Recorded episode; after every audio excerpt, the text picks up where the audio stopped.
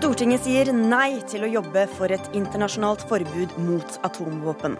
Verden uten slike våpen er et farligere sted, sier Frp. Regjeringa vil kjøpe klimakvoter for å oppfylle Kyoto-avtalen. Kvotene virker ikke, sier klimabokforfatter. Høy egenandel kan sende rituell omskjæring ut av sykehusene og under jorda, frykter lege. Hvis inngrepet er så viktig, får foreldrene bare betale, svarer Frp. Og barn eh, aner ikke hvor mye et brød koster, men iPhone-prisene har de full kontroll på, sier DNB, som nå skal inn i grunnskolen.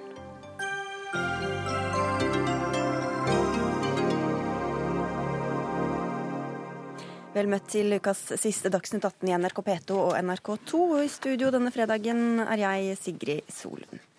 Bør atomvåpen forbys? Det tok Stortinget stilling til i dag, og hva de landet på skal vi snart diskutere. Men før vi gjør det, skal vi snakke om hvorvidt atomvåpen i utgangspunktet er mest til nytte eller mest til skade. Og du tenderer til å mene det første, Christian Tybring-Gjedde fra Fremskrittspartiet. Du har skrevet om dette på NRK Ytring at verden uten atomvåpen er farligere enn verden med. Hvordan kan det ha seg?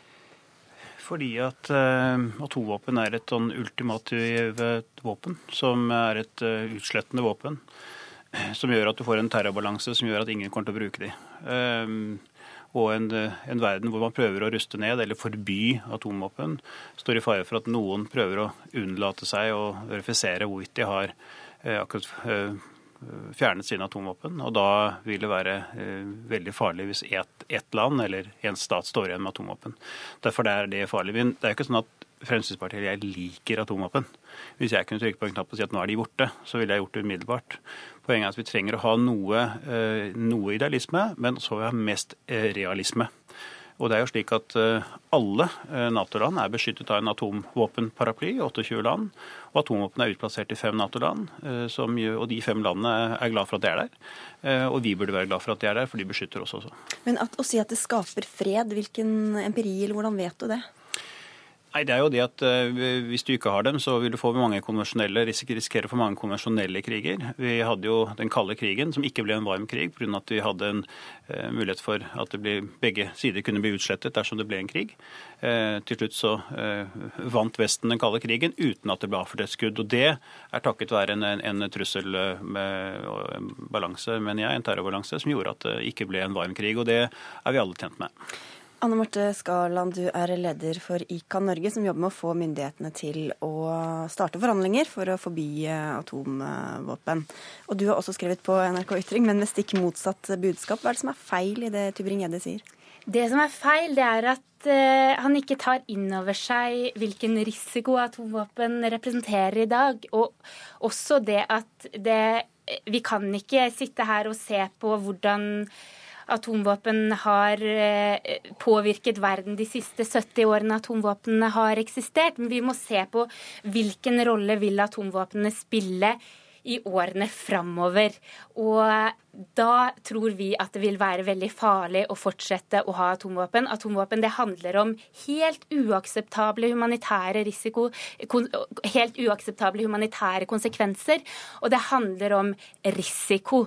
De årene vi har hatt atomvåpen, så har vi hatt utrolig flaks.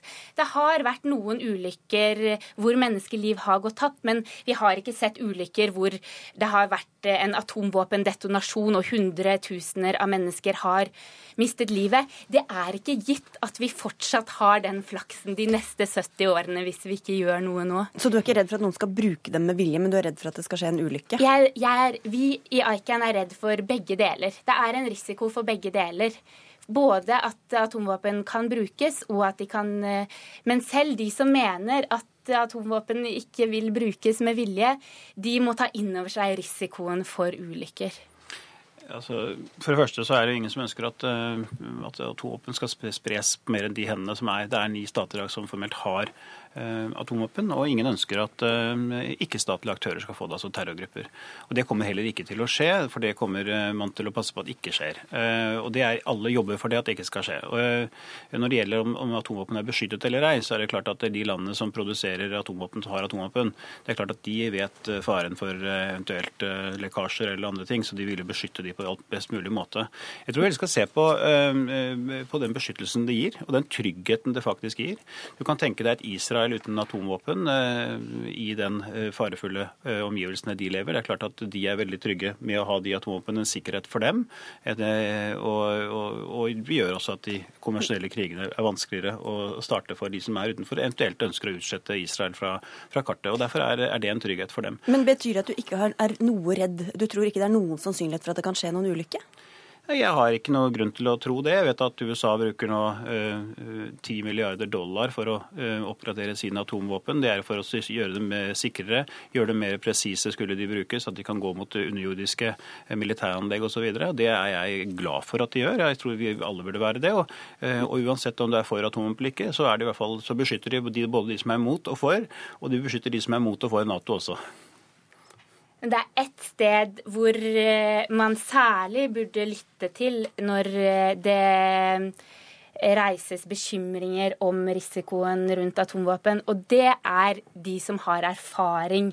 Eh, de som i militæret, i, i, fra Forsvaret. Og der er det mange nå som tar til orde for at atomvåpen er altfor for farlig. Robert Green, f.eks., som, eh, som hadde ansvar for, nei, for, for atomvåpen i det, den britiske marinen, han går sterkt inn for et, for, eh, for et, forbud mot atomvåpen. Og eh, det du sier om, om USA eh, eh, Journalist Eric Schlosser har brukt seks år på å undersøke sikkerheten rundt amerikanske atomvåpen, og konkludert med at sikkerheten er altfor farlig. Det er en altfor stor risiko ved å ha atomvåpen. Men Har det vært nestenulykker uh, som ikke vi vet om, da, eller? Eh, han har avdekket nestenulykker, men da har du jo da, Det har vært nestenulykker, sånn at du har, du har, du har ikke sett det, har ikke vært store detonasjoner av atomvåpen, men han har avdekket en rekke nestenulykker, bl.a. i Arkansas i 1982. Eh, og, og når, når, det er så stor risiko rundt de amerikanske atomvåpnene, så må vi ta inn over oss at eh, det eh, er stor risiko også i de andre atomvåpenstatene. Vi kan ikke ta sjansen for at, eh, at, man lager et forbud, for det vil alltid være noen som vil skjule unna. Det, så lenge det er land som ikke er demokratiske stater, så har man en veldig veldig stor risiko. Det er klart at uh, Iran er en, en, en, sånn stat, Pakistan, India. altså Hvor mye man skal stole på at disse vil gjøre det som uh, er nødvendig, det er ve veldig, lite, det er veldig tvilsomt. Og så må vi huske på at alle våpen, så er det 99% av absolutt alle våpen blir aldri avfyrt i fiendtlig hensikt. Det er hele poenget med våpen, at de skal avskrekke. Men Til det du sier, hvordan, altså Nord-Korea, Iran, mm. altså sånne land. Hvordan skal du sikre deg at man faktisk alle kvitter seg med alle våpnene samtidig og ikke skjuler noen ting? Det som er problemet med denne debatten, er at det er veldig mange som ser for seg at vi skal få et forbud, og så skal eh, alle kvitte seg med atomvåpnene samtidig. Det er ikke det det er snakk om. Det er snakk om at eh, vi trenger et Eh, nytt juridisk rammeverk for å få fortgang på nedrustningen nå. Vi, vi trenger at statene som ikke har atomvåpen, eh, eh, forhandler fram en avtale. Men målet må jo være at de skal kvitte seg med de atomvåpnene. Ja, hvordan skal man komme dit, da? Hvordan skal Fordi det skje? Vi må se på sånn situasjonen er nå. Og sånn situasjonen er nå, er at vi har en ikkespredningsavtale. Det er den store atomvåpenavtalen vi har. Og den er i krise. Den har vart i, siden 1970, i 45 år. Og vi så nå på ikkespredningsavtalens konferanse i mai at det ikke ble noe enighet, det ble ikke noe sluttdokument, og atomvåpenstatene nekter å gjennomføre den plikten de har til å ruste ned sine atomvåpen. Derfor så mener vi i ICAN at vi trenger et forbud mot atomvåpen før neste tilsynskonferanse i 2020, for å da legge makt bak kravene eh, om at atomvåpenstatene skal ruste ned. Fordi at Så du har ikke noe tro på at liksom, selv med et forbud at det kommer til å faktisk kvitte seg med det på innen Jo, men det tar tid.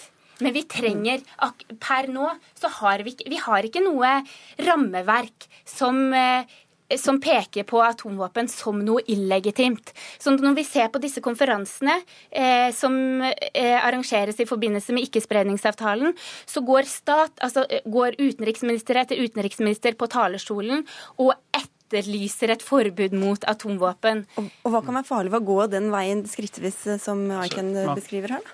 Altså Man kan godt uh, prøve å vedta at uh, jorden er flat. altså Den blir ikke noe flatere av den grunn. Poenget er at de landene som har uh, atomvåpen, de er ikke interessert i å kvitte seg med dem, fordi at de blir tryggere av det.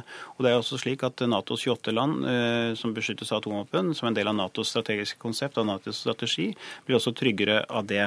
Men de som, det, det er lett for de land som ikke har det, og som ikke er interessert i å utplassere det, å forby det. Men det er faktisk de land som har det, som ikke ønsker å forby det. Og du kommer ikke til å få det til. men Derfor er jeg opptatt av realisme i politikken. Man kan drømme og man kan være idealist, og det er bra, men jeg syns realisme er det beste. Og I dag vedtok altså Stortinget at Norge skal være en pådriver for kampen eh, mot atomvåpen, men ikke at vi skal gå inn for et forbud. Helt avslutningsvis, hva syns du om det? Men jeg, jeg hørte jo på debatten i dag, og alle partiene unntatt Frp og Høyre sa veldig tydelig at de støtter et forbud mot atomvåpen, og forventer at regjeringen lytter til flertallsmerknadene.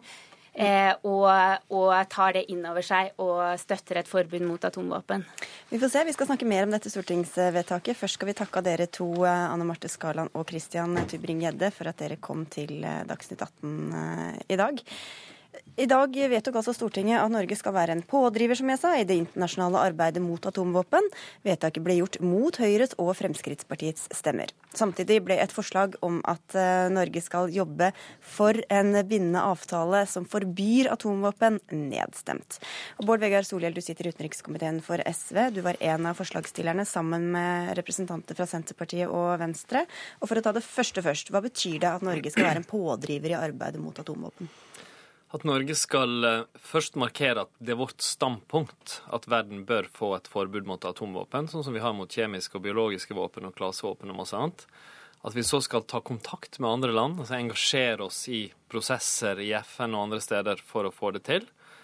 Eh, og til slutt være villig til å gå inn i forhandlinger om, konkret, om et konkret forbud. Eh, og så er det som Skalland her sa, at det betyr ikke at jeg forsvinner med en gang. Men vi kan kanskje sammenligne det med klasevåpen og landminer, de siste to sånne prosessene. Da blir det som en norm, som et regelverk i internasjonal politikk. Eh, da vil de ikke umiddelbart gå vekk, noen vil beholde dem, men kostnaden for å ta dem i bruk vil øke, og det vil liksom bli mindre akseptabelt. Det er som en lov i samfunnet. Den brytes av og til, men det blir en sterk norm og sanksjoner mot det. Det er vel ikke mange som tar det i bruk? Nei, klasevåpen mine har jo det skjedd med, men de har, markedet har bare dumpa det. har nesten slutta å ta til bruk. Men atomvåpen har du rett i. Det, det, er litt annerledes, men et enda farligere våpen. Hvorfor vil dere ikke være med på dette da, Øyvind Halleraker fra Høyre?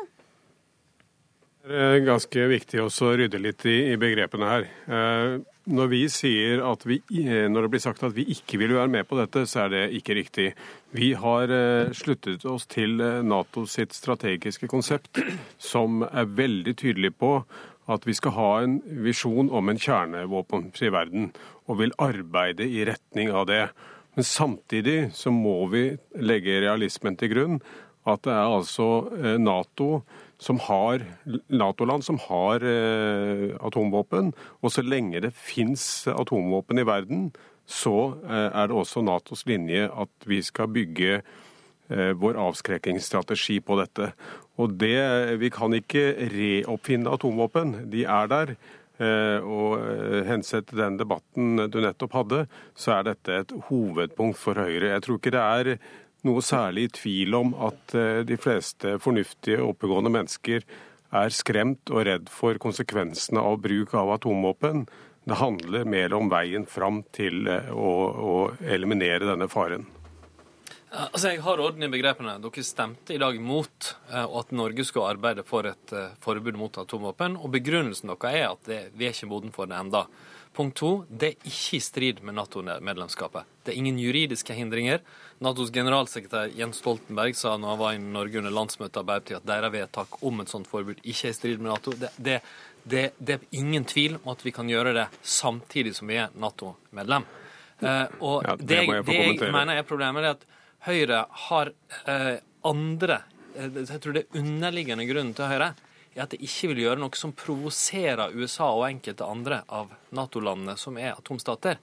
Det men det er jo nettopp det å gå litt foran som skaper framgang, og det er problemet, tror jeg. Høyre vil ikke ta den belastningen. Nå tror jeg Solhjell skal la Høyre få komme med våre synspunkter og våre begrunnelser.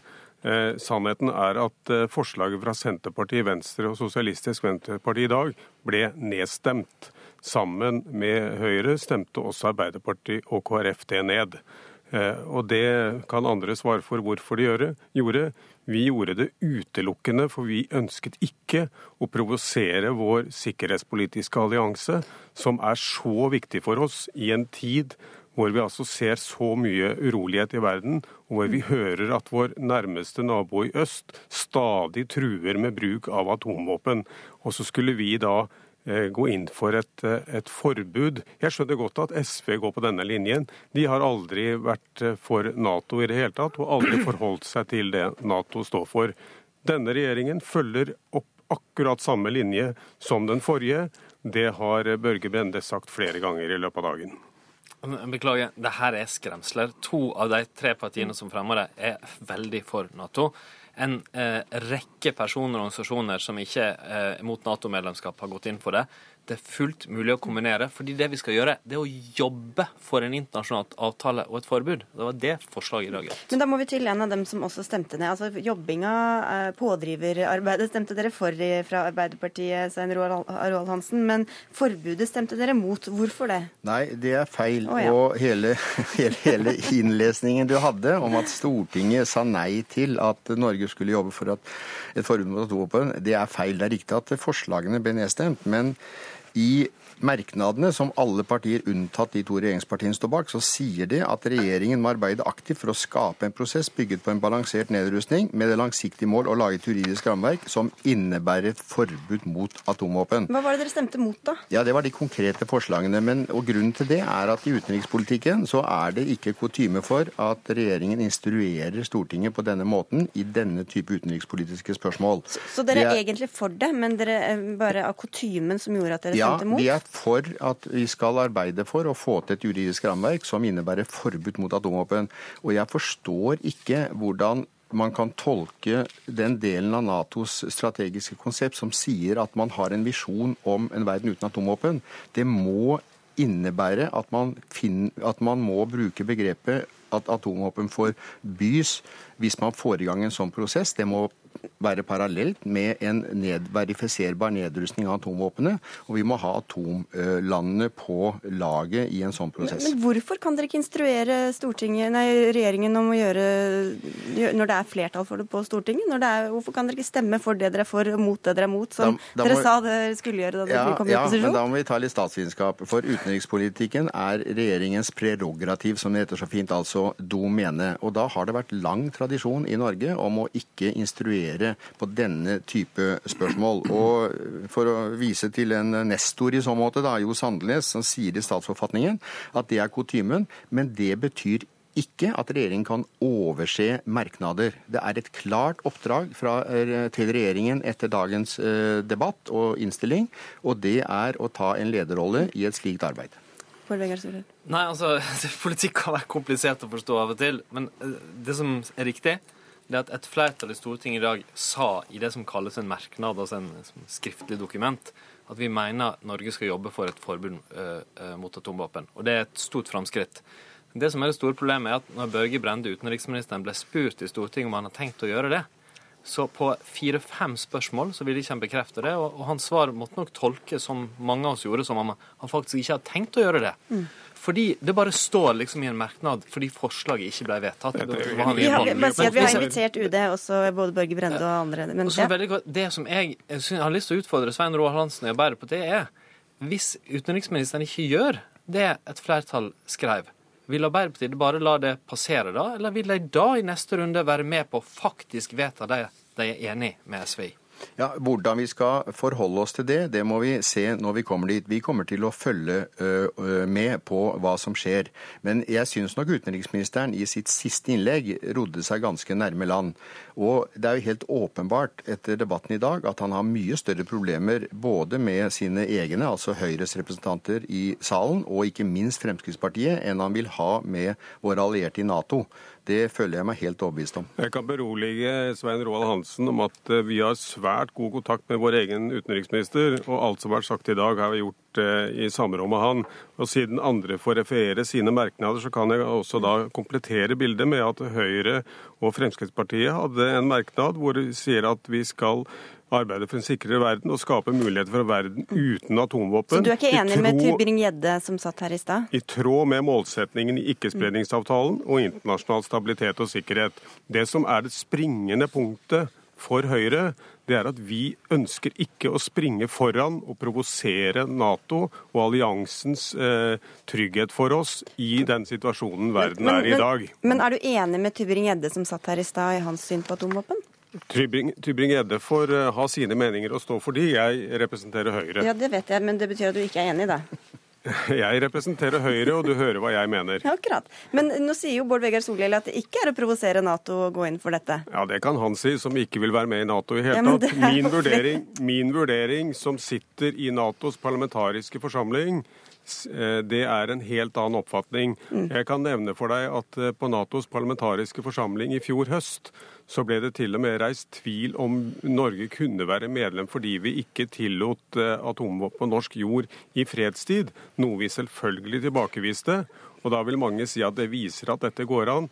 Nei, dette er noe helt annet. Dette er en del av et strategisk konsept som vi har sluttet oss til alle sammen. Du skal få slippe til, Solhjell, men bare høre også med deg, Halleraker. Hvordan kommer dere til å følge dette opp da, fra utenriksministeren og andre i regjeringa?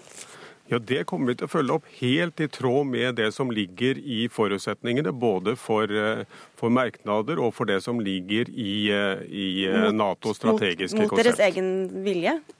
Dette er en skinndebatt. Vi har ikke stor uenighet om dette. Eh, og hvis man da går til, man går til den, eh, den, nederlandske vedtaket, som også var trukket fram av mange i dag, så er det ganske identisk med merknaden fra Høyre og Fremskrittspartiet at man eh, skal arbeide for dette, også i tråd med Natos forutsetninger. Jeg tror kanskje lytterne har fått med seg at det er litt uenighet i hvert fall her. Men hvis jeg får løfte blikket kort til slutt. Det som er veldig bra, det at det nå for første gang på mange tiår er store framskritt i arbeidet med nedrustning og å forby atomvåpen. 109 land har slutta seg til, altså flertallet av verdens land. Det er òg utrolig bra at det er mye større engasjement for det i Norge enn det har vært på lenge. Mange organisasjoner, flertallet i Stortinget, sier at de får det. Det som gjenstår, det er om Norge ved regjeringa vil være en leder i det, som vi tradisjonelt har vært på nedrusting, klasevåpen, landminer og andre saker eller om vi nå skal liksom ligge litt bakpå. Og Det framstår for meg helt uklart om regjeringa tenkte det. og jeg, Vi fra SV side kommer til å fortsette å ta opp de spørsmålene kontinuerlig framover, for det er en stor mulighet nå. Få gi dem litt tid, da, men helt avslutningsvis her, Svein Roald Hansen. Dere stemte jo også mot eh, anerkjennelse av Palestina, selv om dere er for det. Er det bare utenrikspolitikken dere stemmer mot dere selv, eller har det en smitteeffekt eh, utover det? Nei, det har det ikke, og det er det samme begrunnelse. Det er regjeringen som anerkjenner andre land, ikke Stortinget. Men vi er beredt til å anerkjenne Palestina. Eh, så snart regjeringa gjør det? Så, så, så, nei, så snart vi kommer til regjering. Takk skal dere ha i hvert fall, alle tre. Bård Vegar Solhjell fra SV, Øyvind Halleraker fra Høyre og Svein Roald Hansen fra Arbeiderpartiet. Dagsnytt 18 alle hverdager klokka 18. På NRK P2 og NRK2.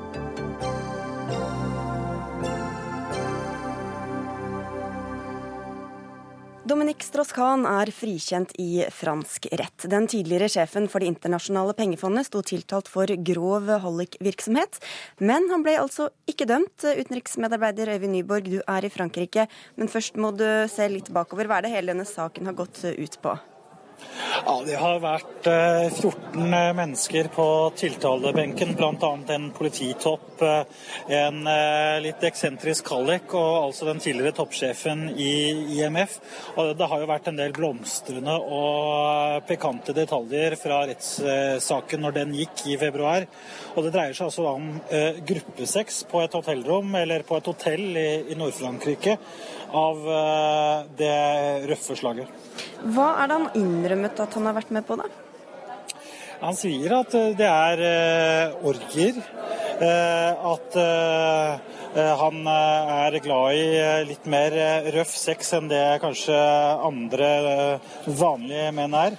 Men altså at han ikke visste noe om at eh, disse kvinnene var eh, prostituerte. Og det er jo altså en, et, eh, en tiltale for hallikvirksomhet som jo var utgangspunktet. Han risikerte ti års fengsel for det. Men han ble altså frifunnet. Hvordan blir dette mottatt i Frankrike? Ja, dette er en sak som er ventet. Det, det, som er spesielt, er jo at aktor i saken han har jo hele tiden sagt at det dette her er det jo veldig vanskelig å bevise. Ehm, og det er jo mange i Frankrike som mener at denne saken her, den hadde nok aldri dukket opp dersom eh, han ikke så å si hadde blitt tatt med buksene nede rett før på et hotellrom i, i New York. Det er stupikken anklager han for seks, seksuelle overgrep. Men det er jo helt klart uh, Dominic Strauss-Kahn, som hadde store politiske ambisjoner. Hans drøm om å bli president i republikken, den er knust en gang for alle. Takk skal du ha, Øyvind eh, Nyborg. Eh, Tove Gravdal, du er journalist i Morgenbladet, kjenner Frankrike godt. Det var kanskje ikke så overraskende, denne frifinnelsen? Nei, gitt uh, det som ble sagt i retten da påtalemyndigheten tok ut påstanden påstand om frifinnelse i februar, så var jo ikke det overraskende. Og det er heller ikke overraskende gitt uh, det franske lovverket. Men det interessante som skjedde i dag, det var at omtrent samtidig med at dommen ble opplest i Lille, der rettssaken pågikk, og så var det et lovforslag til behandling i den franske nasjonalforsamlingen om å forby sexkjøp, altså en tilsvarende lov som det vi har i Norge. Og den loven har versert i det franske politiske systemet nå i snart eh, to år. Nasjonalforsamlingen vedtok den, altså å forby sexkjøp. I 2013 så havnet den i Senatet, som er, eh, som er kontrollert av de konservative, som da eh, modererte den og, og ikke ville forby sexkjøp. Og nå i dag så er da loven igjen vedtatt, og så skal den tilbake igjen til Senatet. Så får vi se hvordan det blir. Men hadde den loven vært gjeldende lov i dag, så er det ikke sikkert at Dominic Strauss-Kahn hadde vært uh, frikjent. Men var dette hallikvirksomheten som de ikke fant bevis for da, at han hadde, hadde, gjort? Det var jo mistanker opprinnelig da denne saken begynte å rulle i 2011 om at han sto ganske sentralt i en hallikvirksomhet i samarbeid med to fremstående forretningsmenn og altså denne politisjefen i Nord-Frankrike. Men uh, det har ikke vært mulig å bevise det. Dominic Strauss-Kahn er jo en smart mann.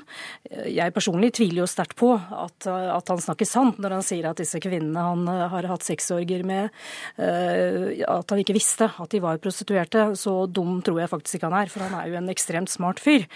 Men uh, likevel, det er en ting er hva man kan mene og synse, men bevisene er jo det som teller i retten. Det er jo mange pikante detaljer her som vi så vidt var innom, og det er kanskje mange som likevel stusser over at denne saken får så mye oppmerksomhet, også her i norske medier. Hadde det vært en ikke-sak hvis det ikke var akkurat han det gjaldt?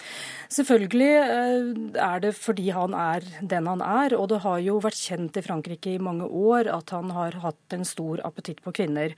Og så syns jeg det er viktig å understreke at dette handler jo ikke om mannlig virilitet, dette handler jo om maktbruk. Og den første gangen dette kom opp i dagen var jo 2008, da verden var i økonomisk krise. Og Dominic Strauss-Kahn satt som en av de viktigste i verden og skulle håndtere dette, så kommer det frem at han har et seksuelt forhold til en, til en dame som er økonom i, i, i, pengefondet. En av hans underordnede. De er begge gift på hver sin kant. Denne saken ble dysset ned, selv om den ble offentlig kjent. For i andre tilfeller hadde det kanskje betydd at lederen måtte gå, men han fikk lov til å fortsette fordi han altså er en så smart fyr og kunne seile videre. Så ble han da arrestert i New York, som vi husker, i 2011.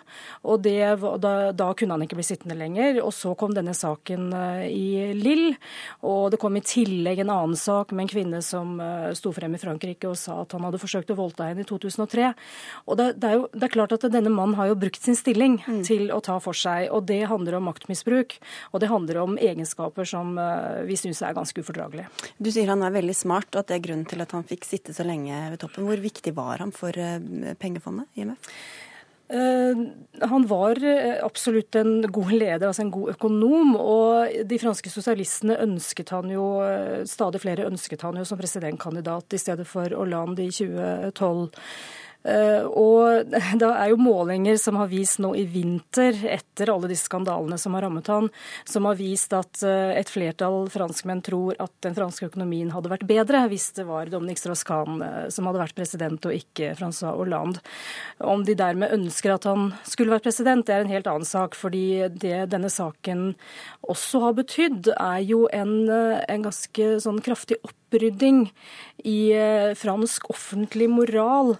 Og det er ikke riktig så comme il faut, som de sier i Frankrike lenger, å, å holde på med sånne umoralske sidesprang og snuskete ting og heve seg over loven bare fordi du har en mektig posisjon i samfunnet. Det er ikke riktig så lett nå lenger som det har vært før. Så det har fått litt større konsekvenser enn bare for ham selv? Det tror jeg helt klart. Mm. Takk skal du ha, Tove Gravdal, for at du kom til Dagsnytt 18.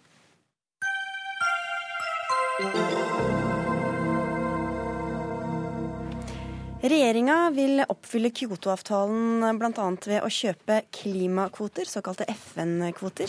Ifølge Kyoto-avtalen skulle Norge kutte 30% av klimagassutslippene våre innen 2020.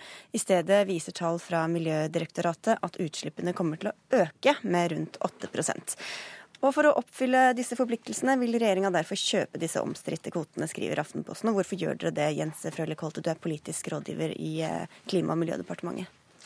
Vi eh, kjøper kvotene fordi at vi først og fremst har en forpliktelse til å innfri Kyoto-avtalen. Um, og så er det uh, viktig når vi nå sitter i klimaforhandlingene og skal få til en stor og viktig klimaavtale uh, i Paris i desember, at vi viser at de rike landene uh, kan bidra til utvikling, teknologisk nyskaping og fattigdomsreduksjon også i utviklingsland. Og Det er jo ikke noe mystisk ved kvoter. Eh, litt enkelt fortalt så kan du tenke deg at eh, hvis man er på en dugnad i, i sameie, så står det en der med en stor, dyr trillebår, og så står det en annen der med en rake. Og så skal du fjerne alt løvet fra plassen så er det mye mer effektivt om eh, de to samarbeider om å rake løvet, enn om de står hver for seg og prøver å bruke lang tid på å rydde opp. Så det, det, det var den folkelige forklaringen du lovte meg. Det er den folkelige forklaringen jeg lovte deg, og så enkelt er det egentlig. I fjor foreslo Arbeiderpartiet å kjøpe flere klimakvoter. Vi skal høre hvordan statsminister og Høyre-leder Erna Solberg kommenterte det fra talerstolen på Høyres eh, landsmøte. Nylig foreslo Arbeiderpartiet å overoppfylle Kyoto-avtalen med 10% Og det høres ambisiøst ut. Men hele kuttet skulle tas gjennom kjøp av FN-kvoter. Kjære landsmøte. Arbeiderpartiets forslag fjerner ikke ett gram norsk CO2-utslipp, og det er et klimaløfte på billigsalg. Fjerner ikke ett gram norsk CO2-utslipp. Hvorfor gjør dere det da?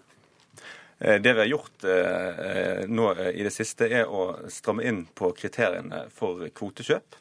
Eh, I motsetning til tidligere så kjøper vi nå kvoter eh, til prosjekter som ellers ikke ville blitt eh, realisert.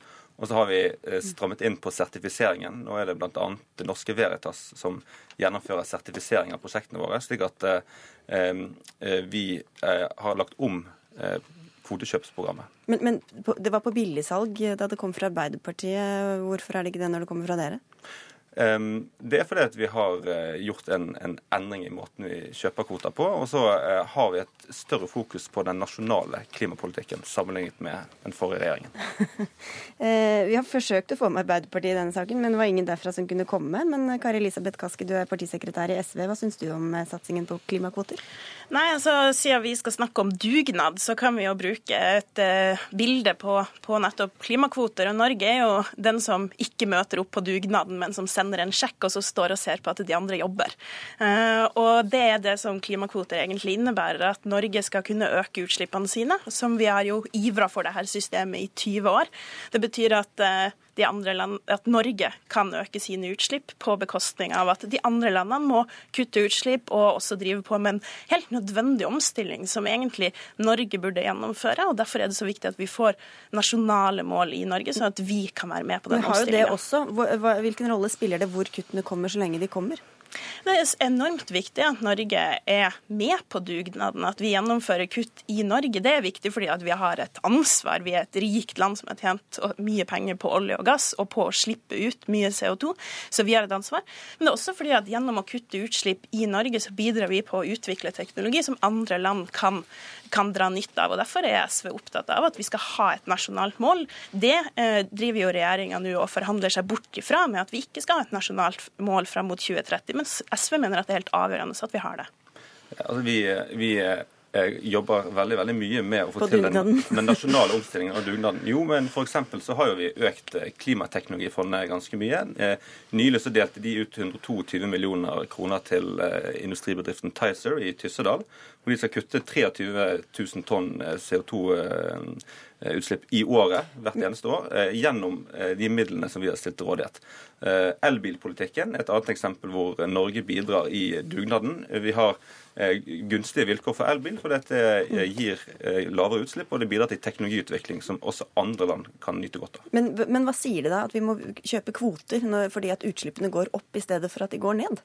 Litt av grunnen til at vi kjøper kvoter, er også at klimaforliket legger til grunn at vi skal overoppfylle Kyoto-avtalen. Det driver en del av kvotekjøpene.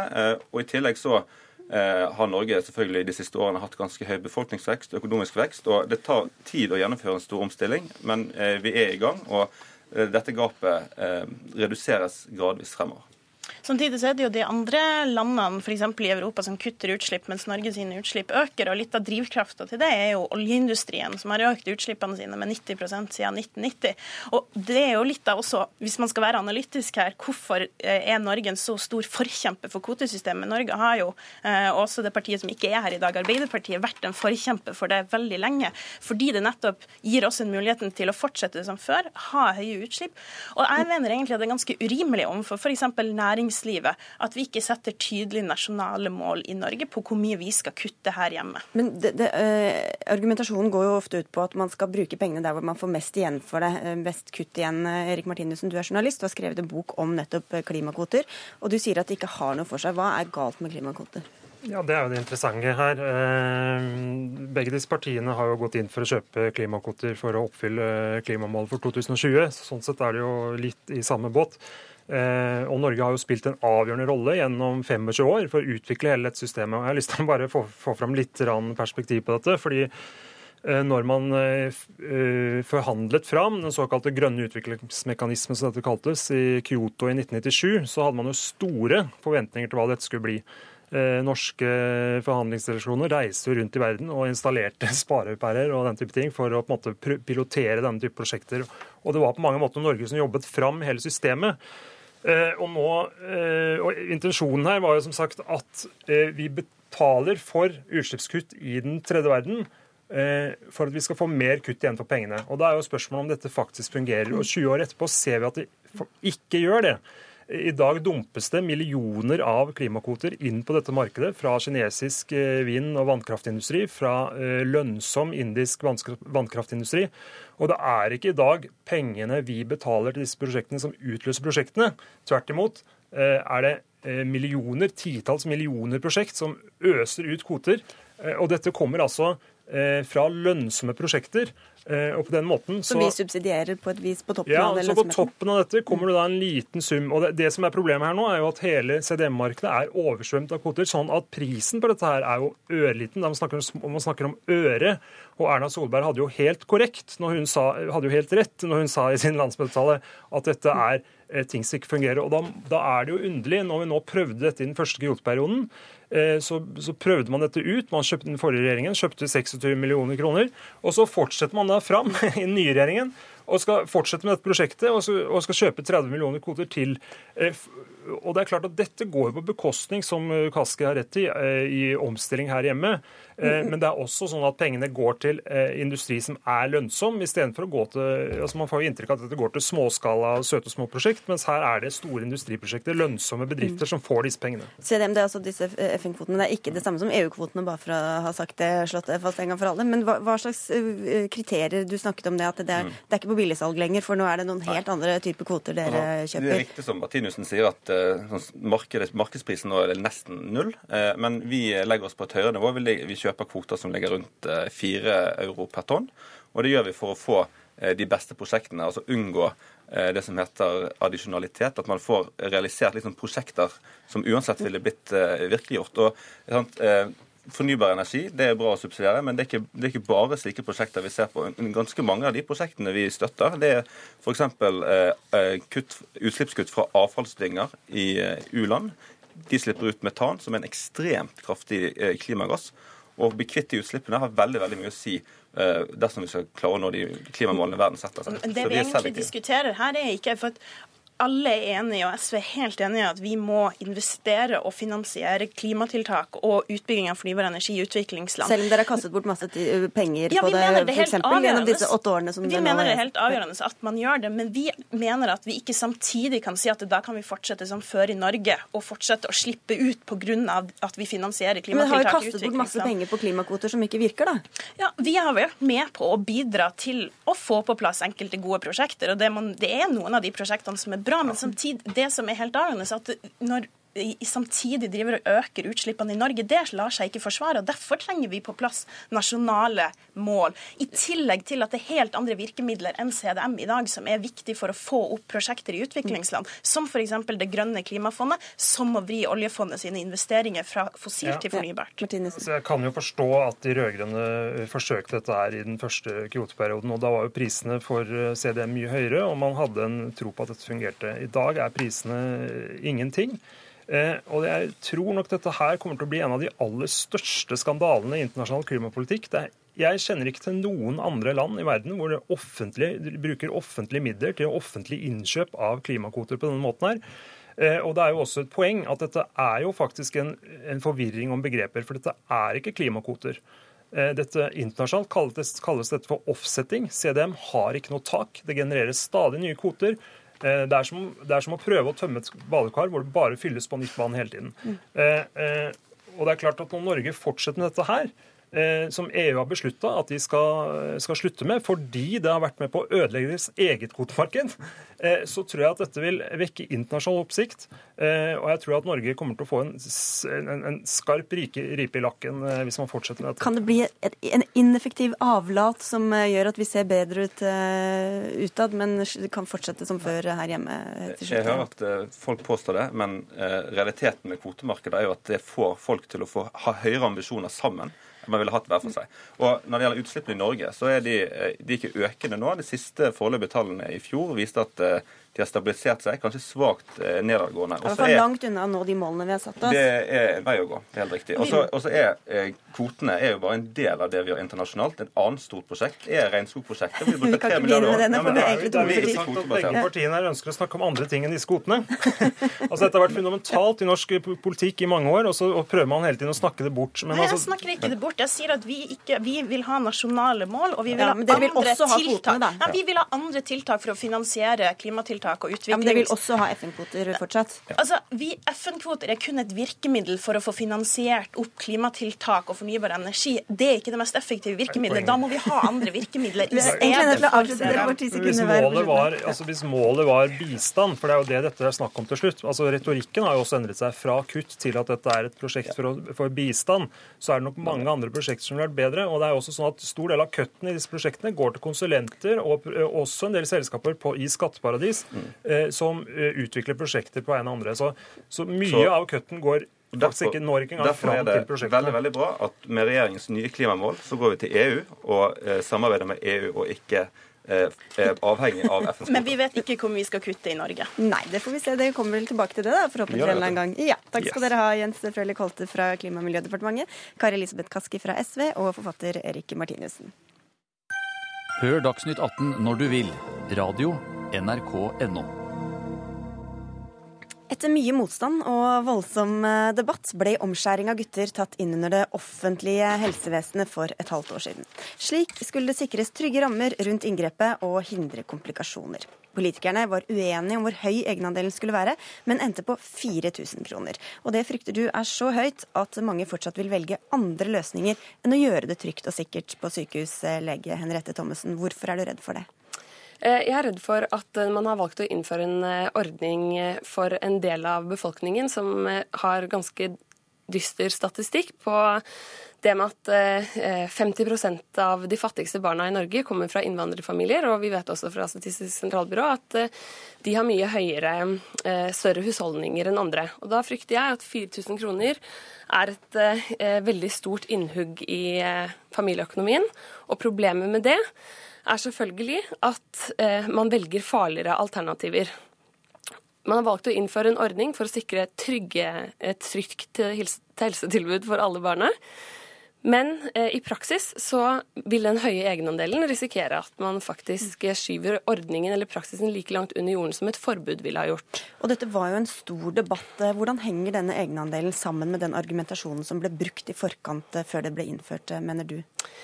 Jeg tror nok at uh, veldig mye av grunnen til at egenandelen er satt uh, så høyt, er fordi at uh, det er et veldig kontroversielt tema. av gode grunner. det er ikke et, en medisinsk indikasjon.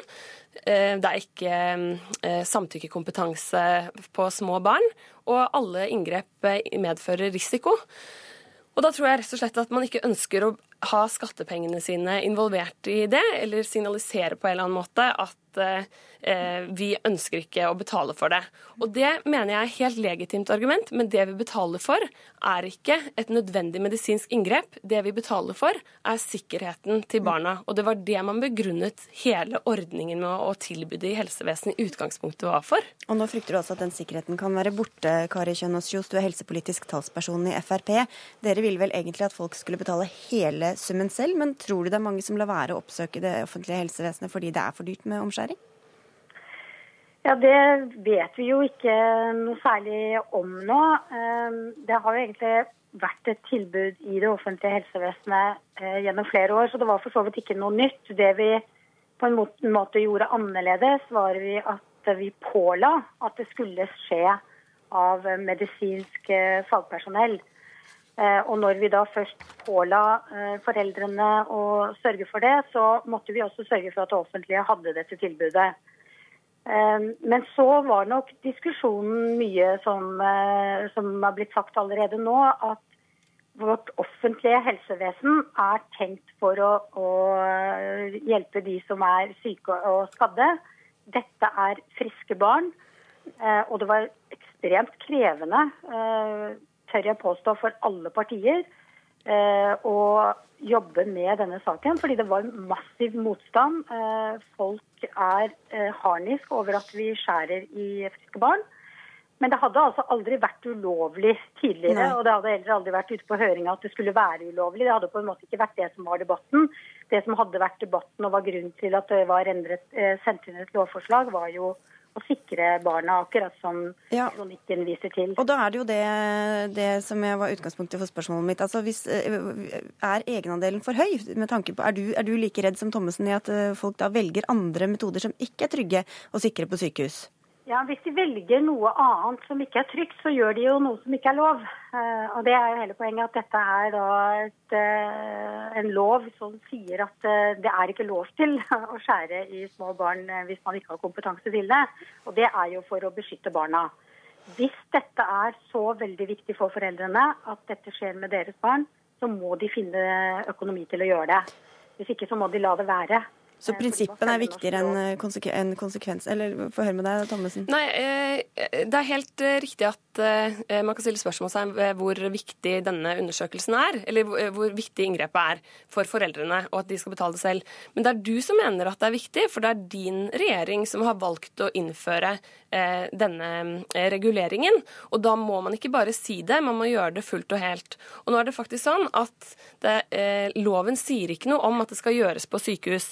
Loven sier at det må være en lege som utfører det, med bedøvelse eller at det må være en ansvarlig lege til stede. Og Det betyr at det er ingenting i veien Altså, eh, Foreldre bryter ingen lov ved å komme hjem til meg eh, med en, barn, med en baby og be meg om å omskjære det barnet på kjøkkenbenken min. Det vil jeg ikke anbefale noen å gjøre, men de bryter ingen lov. Jeg har ikke kompetansen.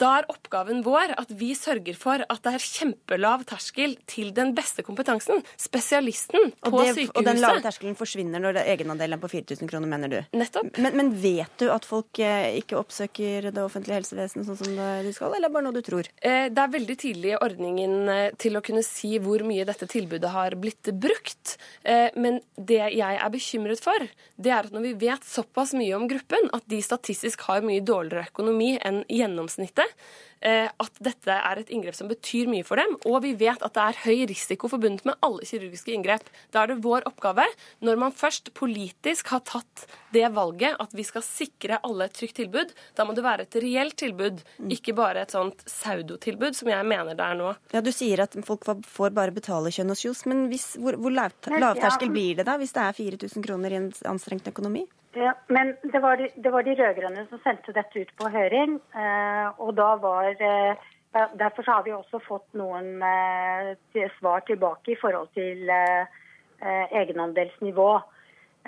Og det var mange som viste til at de hadde forståelse for at man ville velge et høyere egenandelsnivå enn det som var på faktisk helsehjelp. Eh, og det beløpet som, eh, som da nesten hele Stortinget samlet seg om, var dette beløpet fordi det var et Ja. beløp som, eh, som var en del av de anbefalingene som vi fikk da. Men det er mye høyere egenandel enn det er for nesten alle andre behandlinger Ja, man kan få utført ja, på offentlig sykehus. Det er det. Og er Ja. den signaleffekten så viktig for dere at ikke dere vil faktisk at den ordningen dere har innført, rød-grønn høring eller ikke, det er dere som har innført det, er det ikke da viktig å sikre at den er trygg og reell, ikke bare på papiret? Ja, Egentlig men, så så, så, så, så, så, så, på det, da. Ja, Vi har altså ikke fått noen tilbakemeldinger på at ingen ønsker å følge loven fordi at egenandelen er for høy. Det har jeg faktisk ikke fått et eneste tilbakemelding Hvis dere får det, da? Ja, Vil, er det aktuelt aktuelt er å senke sånn, den? Sånn, sånn er det med alt vi vedtar. At noen ganger så får det noen eh, eh, Skjer det ting rundt det lovverket som vi ikke hadde tenkt på, eller det blir annerledes enn vi har tenkt. Og Det er jo grunnen til at saker eh, kommer opp igjen til Stortinget. Mm. Det er jo noe som vi må vurdere fortløpende. Men vi har altså ikke fått noen indikasjoner på at den egenandelen er for høy. Det har heller vært mer eh, et problem å få folk, eh, eller helsevesenet, til å gi dette tilbudet. Jeg syns at det kan være godt å ta med diskusjonen videre at eh, den eh, saken vi hadde i 2012 med en gutt eh, som døde etter komplikasjoner av omskjæring, var nettopp på et legekontor i Oslo. Eh, og at eh, pasienten har ikke selv anledning til å kunne bedømme hvorvidt legen er kompetent eller ikke. Da må vi sikre veien frem, helt frem til mål. Da får vi se Det er foreldrene som har det ansvaret, da, å sørge for at eh, det er kompetent personell som gjør det. Eh, Og det er riktig som du sier at eh, vi har ikke satt krav til at sykehusene skal gjøre det, men vi har satt Mm. krav til at sykehusene skal sørge for at tilbudet er tilgjengelig. Jeg, jeg, jeg er nødt til å avbryte dere, for vi har en sak til som skal på. Tusen takk skal dere ha begge to for at dere kom til Dagsnytt 18.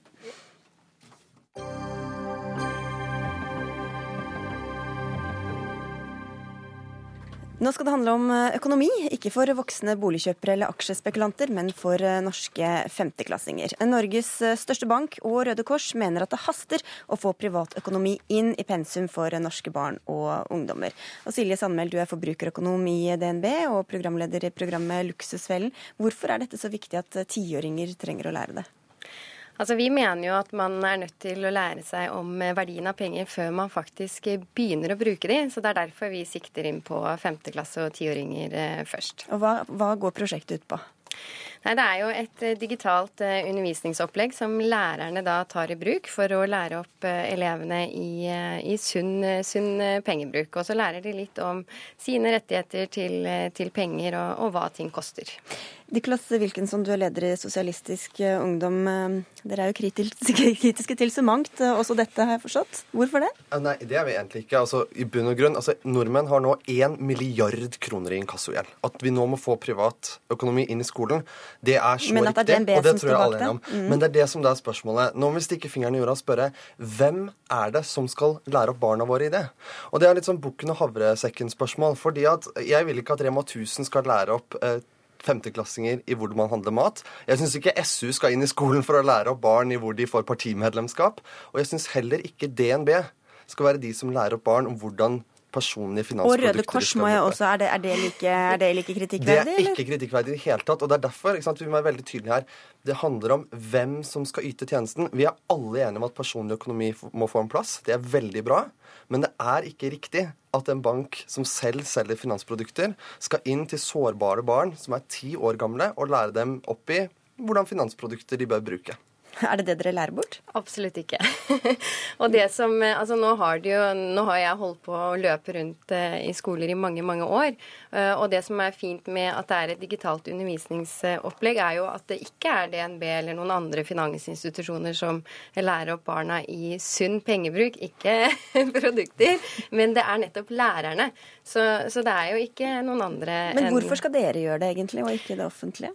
Nei, og det stiller jeg også spørsmål ved. For det skulle, skulle vært opp til, til meg og DNB, så hadde jo selvfølgelig ikke vi gjort dette. Men at, det- at det offentlige hadde gjort det, og at det hadde kommet mer inn på pensum. Det offentlige, det er deg det, Henrik Asheim fra Høyre. Hva syns du om det her, da? Nei, altså Jeg mener at det er veldig positivt ja, at det kommer også eh, folk utenfra skolen selv og eh, kommer med, med kunnskap om dette. Finans Norge har laget den type programmet, Nordea har et program for ungdomsskolen, og DNB gjør på barneskolen. Så jeg er ikke så veldig bekymret for at det er noen aktører utenfra som også gjør det. Men hvorfor skal dette være opp til dem å, å, å, å, gi dette budskapet til barn og unge? Ja, altså, det som er en utfordring, synes jeg, det er at samfunnet, hver gang vi får et samfunnsproblem, så sier noen at dette må bli et fag i skolen. Eh, og hadde vi gjort det, så hadde stort, vi hadde vi hadde ikke hatt nok timer i døgnet til å ha skole, fordi alt skulle blitt et fag i skolen. Og jeg er veldig skeptisk til å gjøre det. Men jeg tror at det er et poeng at skolen er en arena hvor barna også må lære om dette. Og så vil jeg slå et slag for at foreldre også har et ansvar for å fortelle barna sine at det å ta opp eh, stor gjeld på SMS ikke er spesielt lurt. I hvert fall ikke femte klasse. Nei. Men, men Niklas Wilkinson, altså, de gjør, det er ikke noe reklame dette her. De gjør det fra godhet til hjertet sitt. Hvorfor ikke bare takke og bukke? Jeg må bare kort svare på det først, for at Det er viktig at foreldre kan gjøre det, men vi må forstå at ikke alle foreldre har den kompetansen hjemmefra. Og Når vi har 240 000 nordmenn som har betalingsanmerkninger, så er det også noe som må gjøres i skolen, tror jeg. Men det er sånn du sier, ja, eh, godhet av sitt hjerte. Men hvis det var fra godhet av sitt hjerte, så skulle jeg jo ønske at DNB kanskje kunne heller yte kompetanse til skolen, så de kunne lage sine egne produkter. I skolen så har du pedagoger som vet hvordan man lærer bort best. Og det som, det som bekymrer meg mest med dette, det er jo ikke altså Jeg har veldig tiltro til deg, og jeg syns det er strålende at dere gjør dette, men det er også en del av en større trend. Oljeindustrien går nå hardt inn i skolen. Matindustrien går hardt inn i skolen. Og nå snakker vi altså om sårbare femteklassinger som skal få opplæring av de som også selv selger finansprodukter. Men jeg, jeg sa det var godhet, men hva er det dere egentlig får ut av det her? Hvorfor gjør dere det? Nei, Vi gjør det fordi ingen andre gjør det, og fordi at vi har kompetansen. Eh, og når det er snakk om dette opplæringsopplegget, så er det jo ikke bare vi som står bak. Det er jo Røde Kors, og så er det også, også lærere som har vært med på dette, og, og Høgskolen i Agder. Så, så det, er jo, det er jo fordi at vi har kompetansen. Hvor viktig er det sånn i profileringsøyemed for dere å være med på Dette er noe vi ikke profilerer i det hele tatt. Og når læreren står der, så er det som om det skulle være et offentlig opplegg. Hvor, så... hvor preget er budskapet, for å si det sånn, da? At det er DNB som står bak, og ikke Henrik Asheim eller, eller noen andre i det offentlige? Nei, det heter jo lærepenger, så, så det er jo ikke noe DNB i dette navnet i, i det hele tatt. Nei, altså jeg mener at det er eh, Igjen så mener jeg at det er positivt at næringen kommer inn. Jeg tror at de også har noen kunnskap som ikke kanskje skolen eller lærerne har selv.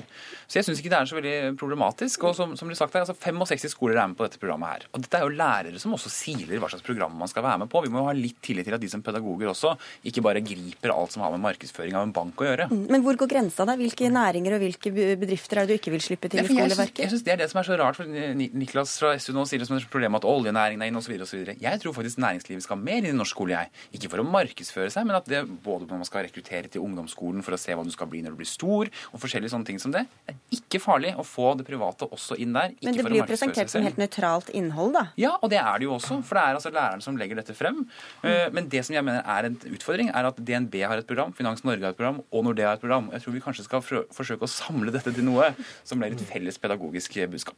Og det kan være enige om, men, men jeg tror at alle som ser den filmen, og det har jeg også gjort, kjenner igjen DNB. Altså, Du kjenner igjen DNB selv om det ikke står logo på det. Hvorfor det? Fordi at det, altså, det er eh, språket de bruker, samme bildebruk det er det, Så det er skjult reklame der, mener du? Jeg vil ikke si at det er skjult Hva reklame. det du for sier for? Jeg synes de gjør mye bra, men, men jeg tror at sånt påvirker folk. Og det er, altså, det er indirekte reklame, enten det er med vilje eller ikke. Så kjenner jeg igjen DNB, og jeg anbefaler å se filmen, for at du kjenner veldig godt igjen DNB.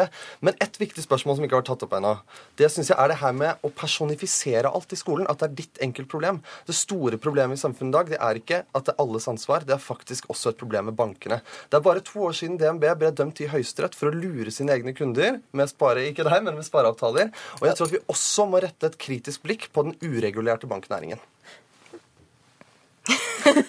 Du må få lov å svare Ja, jeg blir bare litt sjokkert, jeg, fordi at jeg tenker at dette er jo bare et fantastisk eh, opplegg, og noe som eh, barna vil ta nytte av, og ikke minst foreldre. Og jeg er helt enig i at det er foreldrenes ansvar, at det er de som bør lære opp barna sine i privatøkonomi, men dessverre så er det sånn at ikke alle har forutsetninger til det.